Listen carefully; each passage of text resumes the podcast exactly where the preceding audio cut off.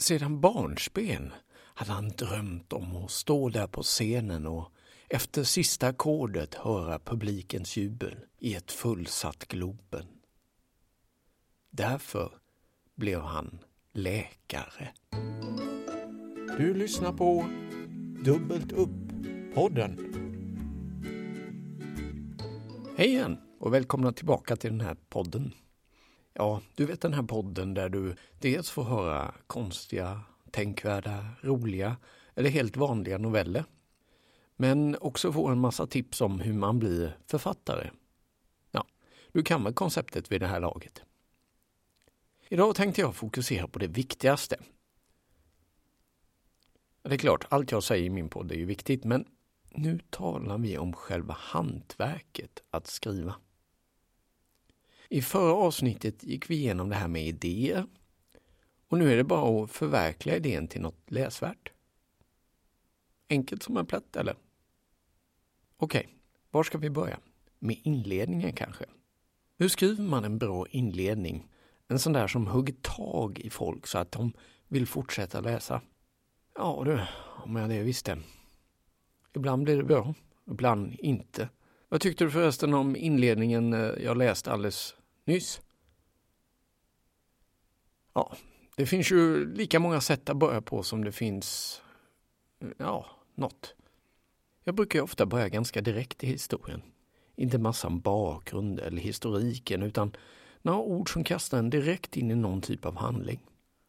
Det behöver inte vara att någon skjuts till döds. Även om det är ett alternativ. Nej, det kan börja med en snöflinga. Det vanligaste felet jag gör när jag skriver noveller det är att jag avslöjar för mycket och det vet du säkert att det ska man inte göra. Så eh, därför tänker jag naturligtvis inte avslöja mina allra bästa tips till dig här nu heller. Men en del ska du i alla fall få. Sen ska ju allt hänga ihop också. Ett gammalt klassiskt husmorstips är ju att försöka återanknyta slutet till början. Alltså inte avslöja allt och koppla ihop till slutet. Eh, hur då? Jo, alltså, jag menar... Nej, jag är så dålig på att förklara. Jag tar en novell istället. Jag kallar den Tid till eftertanke.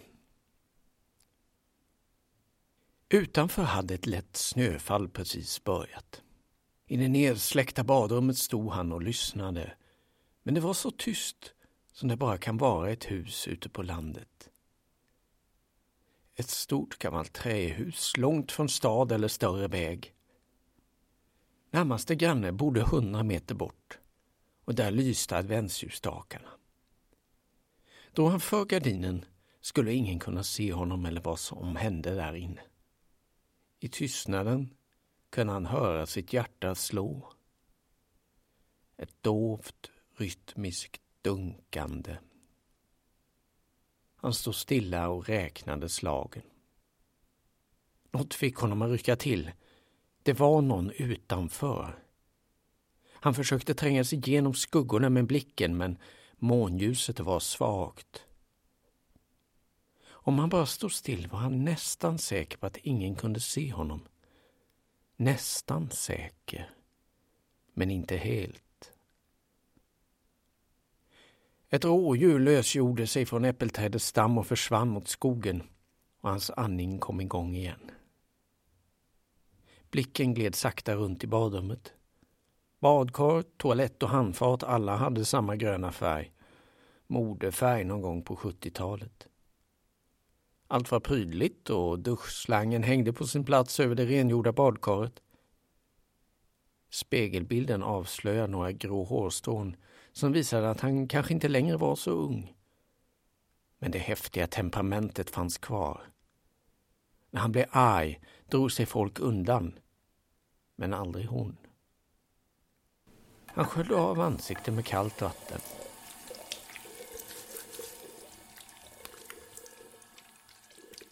Rådjuret kom tillbaka och skrapade snön under äppelträdet. När hon levde brukade de alltid spara några äpplen för att lägga ut på vintern. Hans spegelbild lutade sig närmare honom. En droppe föll från duschslangen.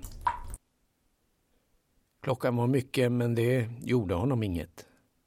Han tyckte om att stå i tystnaden och låta tankarna vandra. Det hade blivit tyst sedan han blev ensam i huset. Mycket tyst. Döden hade kommit plötsligt för henne. Ena dagen var hon levande och nästa dag var hon borta.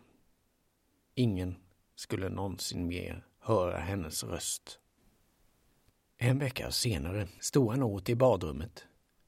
Och då var en känsla av att slutet närmade sig stark. Ingen snö hade fallit de senaste dagarna, men det hade blivit kallare. Elementet var uppskruvat till max och därför frös han inte där han stod i t-shirt och tittade mot en suddig spegelbild. En ensam bil kom på den vintriga grusvägen. Långsamt körde den i kurvan. Kanske var det halt. Han väntade nästan att den skulle svänga in på gårdsplanen och att någon skulle komma in. Någon som visste. Men den fortsatte. Och baklyktorna försvann snart bakom de höga granarna. En stund fortsatte han att titta för att försäkra sig om att bilen inte vände och kom tillbaka. Men inget hände. Tröttheten kom smygande i hela kroppen. På väg bort från handfatet föll hans blick på badkaret och duschslangen som med de silverfärgade slingorna ringlade sig där den hängde. Läpparna var torra och det hjälpte inte att försöka fukta dem med tungan. Kroppen darrade och han kände hur det var svårt att få luft. Två steg och han var tillbaka och höll i handfatskanten för att inte falla. Nu ville han att det skulle ta slut. Att nästa bil skulle svänga in och ta honom bort från alltihop. Bort från alla minnen. I spegeln såg han hennes ansikte. Hon var död. Hans fingrar höll sig krampaktigt fast i den gröna porslinskanten. Utanför hade ett lätt snöfall precis börjat.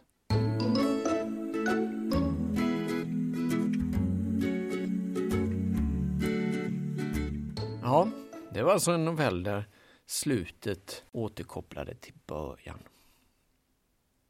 En del skriver för hand, del direkt på dator eller kanske via en iPad.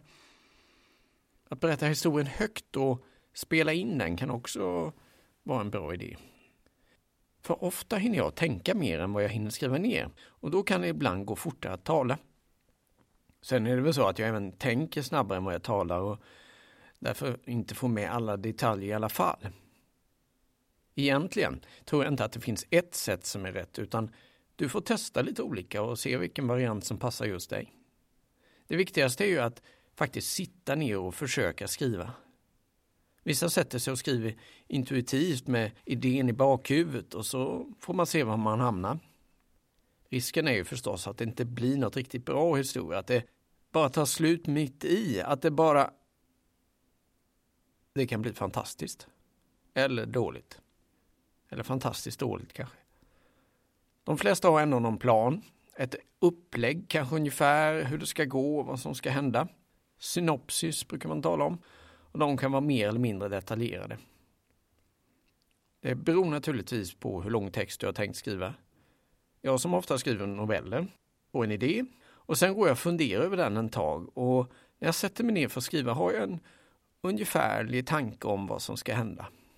Ska du skriva en roman, ja då är nog planeringen viktigare. Först på övergripande nivå. Först händer det här och sen detta och sen kommer slutet. Men sen kanske man behöver en lite mer detaljerad skiss för varje kapitel. För varje inledning måste ju vara intresseväckande och varje kapitelslut måste ju få läsarna att vilja börja med nästa kapitel. Och sen kommer det hända saker som du inte alls planerat i alla fall, men du har ändå riktningen klar. Ja, som ett mönster så att säga. Nu är det dags för en ny novell som jag kallar Skåpet. Ett hem innehåller alltid en mängd saker. Mycket mer än man någonsin kan tro. Och när någon går bort så får en anhörig ta hand om alla dessa ting. besluta vad som ska sparas och vad som kan skänkas till myrorna. Han var nog inte beredd på att fastens gamla bostad innehöll så mycket.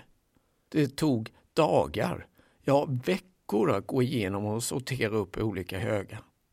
När han en dag lyfte bort en gammal låda längst in i garderoben tittade han förvånat. Där stod en älgstudsare av gammalt snitt. Kolven var fint mönstrad. Det var tung. Han kunde inget om vapen men blev ändå intresserad. Det vore synd att sälja. Han skulle vilja behålla det.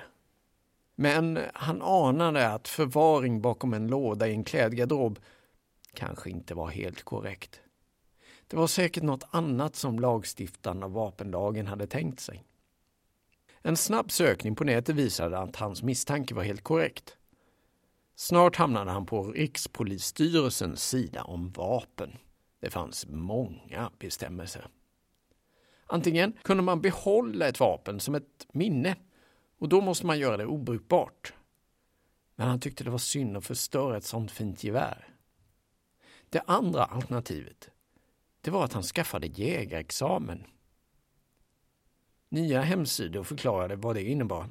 Dels en teoridel om djur och jakt, dels praktiska skjutprov. En lämplig jaktförening fanns i närheten. De hade både utbildning och en bana för övningsskytte. Han hade alltid drömt om att bli jägare. Det skulle bli kul och han kunde redan se sig själv iklädd gröna kläder med orange band runt kepsen. Och älgkött, ja det var ju både gott och nyttigt. Jaktmark fanns i släkten och han var övertygad om att de inte skulle ha något emot att få ytterligare en person i jaktlaget. Ja, de till och med brukade fråga ibland om han inte skulle börja jaga. Så varken jägarexamen eller jakt skrämde honom, snarare tvärtom. Han vände tillbaka till Rikspolisstyrelsens hemsida och fortsatte läsa. När man hade avlagt sin examen som en äkta jägare var det bara ansöka om vapenlicens. Han hade svårt att tro att han inte skulle få det. Men sen kom han till kapitel 10 i vapenlagen och insåg att det fanns ytterligare krav. Han måste skaffa ett vapenskåp där han kunde låsa in sitt vapen för att förhindra att det hamnade i orätta händer. Ett skåp lät väl inte särskilt komplicerat.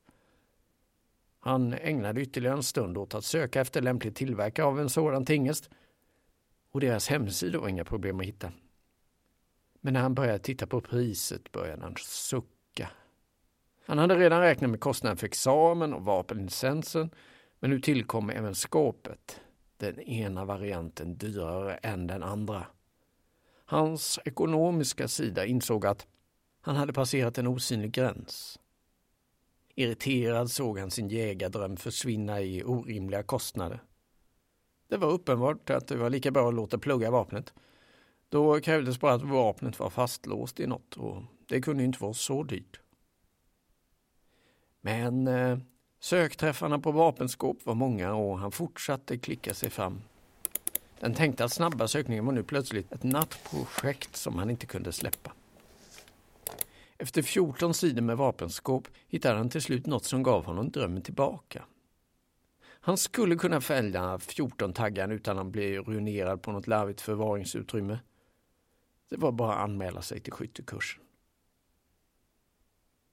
Det var en mycket stolt man som några månader senare kunde bjuda hem sina vänner för att fira att jägarexamen nu var ett faktum. Till hösten hade han blivit lovad att få följa med ut på sin första jakt. Vännerna gladde sig med honom och ville veta allt. Efter en stund kom även frågan upp vad han hade för vapenskåp.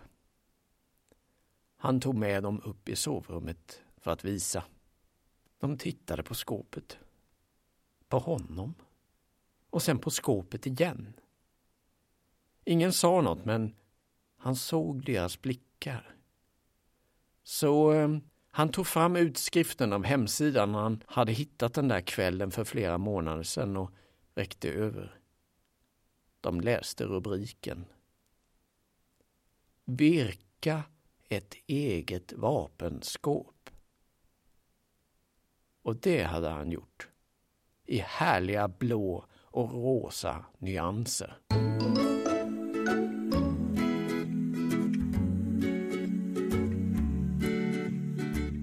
Jaså, ni är redan tillbaka? Här sitter jag och stickar en eh, ny tv tänkte jag mig. Ja, det gäller alltså att texten inte bara överraskar dig utan kanske även läsaren och det gäller särskilt när vi pratar noveller. Då vill man gärna att det ska vara en twist på slutet. Det händer något spännande. I novellen som jag läste nu så hittade ju huvudpersonen bra tips på nätet. Och där finns ju även mycket att hämta för oss som vill bli författare. Jag har ju nämnt eh, skrivargrupper som är ett bra sätt. Men det finns ju även skrivarkurser, skrivartidningar, tråkiga poddar och roliga poddar om att skriva. Man får naturligtvis inte lyssna för mycket. Så ta inte allt jag säger för sanning. Det kanske funkar för mig, men inte för alla. Men jag vill naturligtvis att du ska lyssna på mig, annars skulle jag inte göra den här podden. Jag brukar skriva en text och sen låta den ligga ett tag. Gärna så länge att jag glömmer bort den. Och eh, jag har ju dåligt minne så det brukar gå snabbt. Sen tar jag fram texten igen och försöker läsa den som det är första gången. Först måste jag känna efter om historien hänger ihop. Det finns ju ofta mycket i min hjärna och det är ju inte säkert att allt är lika logiskt för dig som läser. Det kan också vara så att jag avslöja för mycket och det vill jag ju inte heller. Om jag känner mig minsta tveksam till något i texten, då är det illa. För då kommer ju du när du läser eller lyssnar troligen vara ännu mer tveksam. Samtidigt är det där en svår balansgång för det kan ju också vara så att man har dåligt självförtroende och att man tycker att det är dåligt även om det egentligen är jättebra. Därför måste du snart få in någon annan som kan läsa dina texter och ge bra kritik.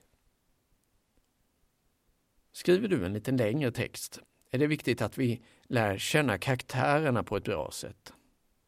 En del väljer att ha ett långt avsnitt som beskriver huvudpersonen från alla möjliga håll. Det kan säkert funka ibland, men jag tycker det är bättre att smyga in lite om karaktären här och där. Och inte så tydligt, utan genom handlingar och vad personen säger så kan man få en ganska bra bild utan att behöva berätta att X är en glad person. Kanske man istället kan låta X vissla när han eller hon går till jobbet. Sen måste vi också beskriva hur personerna och omgivningen ser ut. Ja, jag erkänner, jag är jättedålig på detta. Jag tycker det är tråkigt med massa beskrivningar, men det kan ändå vara viktigt. Du måste ju måla upp en bild så att läsaren vet var vi är någonstans och kan känna att de är på plats. Jag måste alltså ständigt öva på detta. Jag brukar öva när jag är ute och åker tåg eller buss och inte har mycket annat att göra än att bara titta på mina stackars icke ont anande medpassagerare. Lyssna här så får du höra ett exempel. Och eh, tänk om det är just dig som jag beskriver. På något sätt påminner hon om Anna-Lena. En person jag kände från ett annat liv i en helt annan stad. Men den här personen var yngre. Betydligt yngre, även om åldern var svår att bestämma. Men den stora mörkgröna trunken som stod uppe på bagagehyllan fick mig att tro att hon gjorde militärtjänst. Och då borde hon väl vara runt 20. Men för övrigt fanns inget militärt över hennes klädsel. En vit jacka från Helly Hansen med röda dragkedjor och ljusa, mycket ljusa jeans med ett antal välplacerade revor och hål. Framåtlutad över bordet och sin nya telefon. Några hårtesar hängde fram över ansiktet men verkade inte störa hennes koncentration. Det enda som ibland avbröt henne var godissuget som snabbt stillades med handen i den rosa papperspåsen med rött och svart lösgodis. Benen hade hon fällt in under sätet och där de nådde golven fanns ett par vita sneakers. Hon strök bort håret från ansiktet och lade det med van hand bakom örat. Förutom telefonen och snasket fanns även ett tunt blått häfte uppslaget på sista sidan och en penna med svart bläck som väntade på att användas. Hennes andning var inte märkbar. Men tågets rörelse skakade till henne ibland. Till den vita rena jackan fanns en stor lång svart sjal eller stickad halsduk slarvigt slängd på det intilliggande sätet. När hon höjde ansiktet försvann den sista känslan av att hon liknade min gamla kollega. Klockan var 19.30 och februarikvällen var mörk samt snörik. När konduktören anlände och frågade om hennes biljett avslöjade hennes röst en tydlig skånsk brytning. Och det var då lätt att bestämma hennes ålder, 22 år. Nåja, det var kanske inte rösten utan snarare frågan från tågmästaren som avslöjade detta faktum. Och en hel del andra sanningar kom då också fram som att hon läste på officerhögskolan och var på väg till Skövde.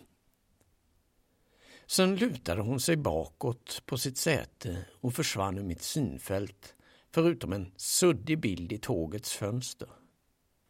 Snart försvann hon även ur mitt minne. Troligtvis var det både första och sista gången jag såg henne. Tänk vad märkligt. Hon kommer aldrig påverka mitt liv och jag aldrig hennes. Eller?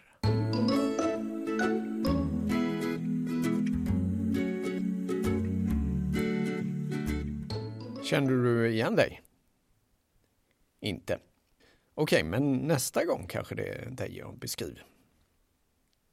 Men hur ska du kunna beskriva något riktigt bra så att det verkligen blir sådär verklighetstroget så att läsaren tror att du, det du skriver verkligen är sant? Även fast det är en science fiction historia.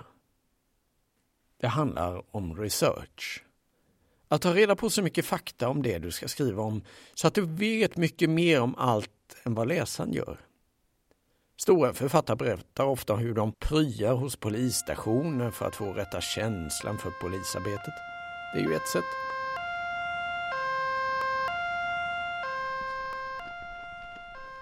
Eller så får du väl söka på nätet. Precis som jag gjorde om två platser som jag inte besökt men som jag ändå ville ha med i en novell. Så jag läste på nätet, kollade bilder och resultatet, det har ni här. Mamadou la ifrån sig headsetet och drack lite av sitt kaffe. Fläktarna i taket var igång. Det var en het eftermiddag i Dakar. Runt honom surrade det av personer som talade telefon. Han hade haft jobbet nu i sju månader och trivdes bra. Trevliga kollegor och kunder som nästan alltid var på bra humör. I väntan på nästa samtal surfade han runt lite förstrött på olika hemsidor och började läsa om en byggnad. Den byggdes ursprungligen som pojkskola 1846 med stenar från stadens kyrkmur som grund. För en kort stund lämnade hans blick datorskärmen och letade sig ut utanför fönstret. I fjärran såg han den, i hans tycke mycket märkliga, nästan 50 meter höga bronsstatyn och turistattraktionen den afrikanska renässansen som sedan några år vakade över stan. Han hade lite svårt att förstå att turister kom från andra länder bara för att titta på en staty. Från sitt kontor några våningar upp såg han även stadens gator där taxibilarna trängdes. Då, för ett antal månader sedan, hade han nyligen avslutat sin utbildning och letade efter ett jobb. Men det var svårt att hitta något lämpligt i den afrikanska miljonstaden. Men sen fick han höra om det här företaget som sökte folk. Först hade han trott att det var ett skämt. Han fokuserade återigen på skärmen framför sig men kunde inte låta bli att snabbt läsa lite på den där hemsidan igen.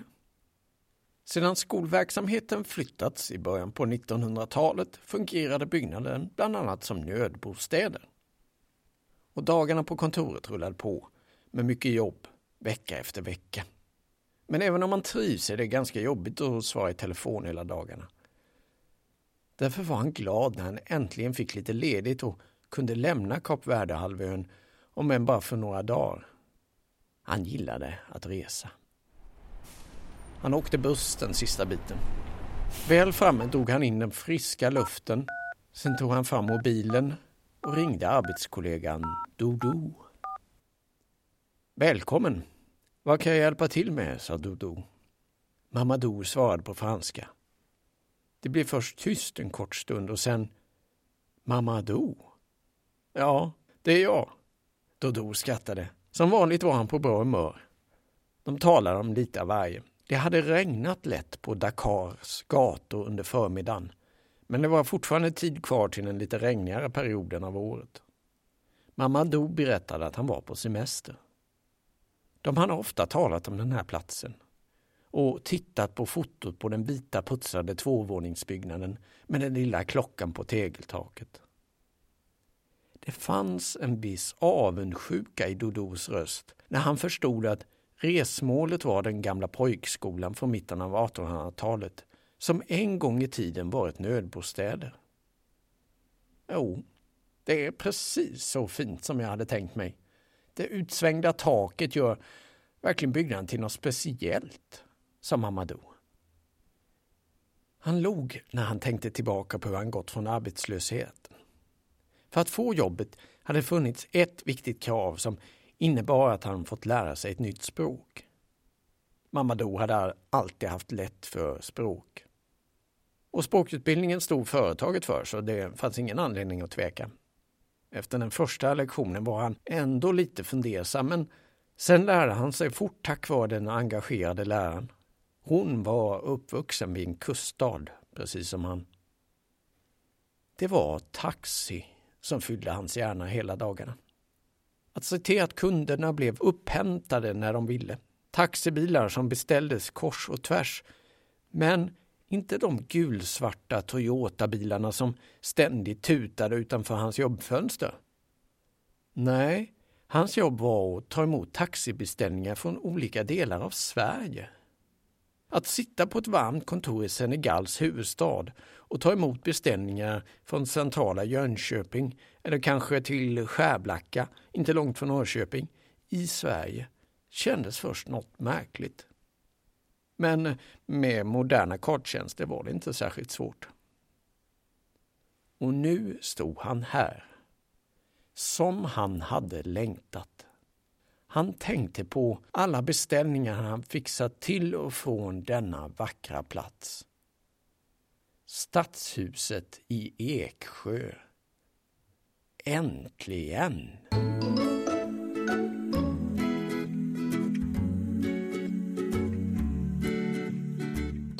Ja, research kan alltså vara viktigt. Och sen har vi det här med språket också. Vilket språk ska du använda? Det är ju inte samma språk i en dikt som i en deckare. Så det kan jag tåla att fundera lite på. Men eh, även en roman kan ha ett mer poetiskt språk. Ofta har man ett eget språk. Kanske du skriver korta meningar utan subjekt eller långa meningar med många bisatser. Och det är ju viktigt att behålla ditt uttryckssätt men sen måste du naturligtvis kolla så att andra förstår. Så du, du kanske måste ändra på vissa delar. Har du vissa uttryck som du använder hela tiden? Kanske vissa småord som till exempel så som du stoppar in lite varstans. Det måste du rensa bort. Liksom om du förstår hur jag menar, liksom. eller vad tänker du? Liksom. Ja. Och nu tänker du att det kommer en novell om språket. Nej, så förutsägbar är jag inte. Istället tänkte jag tala om dialogen. De flesta texter innehåller ju dialog av olika omfattning. Vadå dialog? Ja, du vet, att vi snackar med varandra. Ofta är det ju bara insprängt några meningar, tal mellan allt annat. Men ibland kan det bli en längre sträcka som bara är dialog. Precis som i den här texten som kommer här. Hej, jag undrar om det finns några snälla barn? Va? Du hade tänkt fråga om det finns några snälla barn här? Nej, det hade jag inte alls tänkt fråga. Åh, jo, försök inte, jag ser nog vem du är. Nej, nu förstår jag inte. De där röda kläderna och det stora vita skägget. Mig lurar du inte? Jag eh, tror du misstar dig. Nej, det tror jag inte. Jo, om du visste vem jag egentligen är skulle du akta dig för att stå här och vara oförskämd. Jag är med i ett mc-gäng. Den sortens mc-gäng som du inte ska bråka med.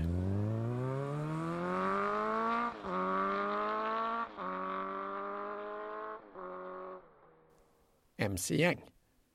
Ja, nu har inte jag med mig min klubbväst. Annars hade du förstått vad jag menar. Och då tror jag du hade visat lite respekt. Det står några renar och en släde här utanför. Är de dina? Ja, hur så? Står de i vägen? Nej, jag bara undrade. Jag får inte riktigt ihop det. MC-gäng och renar. Mm, nu är det så här att jag är ute på ett hemligt uppdrag. Det är därför jag är förklädd i den här dräkten. Och eh, renarna är egentligen min Harley Davidson. Men eh, jag har maskerat den något. Jaha, jag förstår. Bra. Så eh, du menar att din HD just nu står och äter av våra buskar? Va? Ja, titta ut genom fönstret. Ja, ja, du har rätt. Det är jag som är jultomten. Jag tänkte att jag för en gångs skull kunde få gå runt som vanligt folk utan att hela tiden behöva vara glad och klämkäck. Är det för mycket begärt? Men okej, okay, du vinner. Jag ger mig. Det var dumt av mig. Finns det några snälla barn?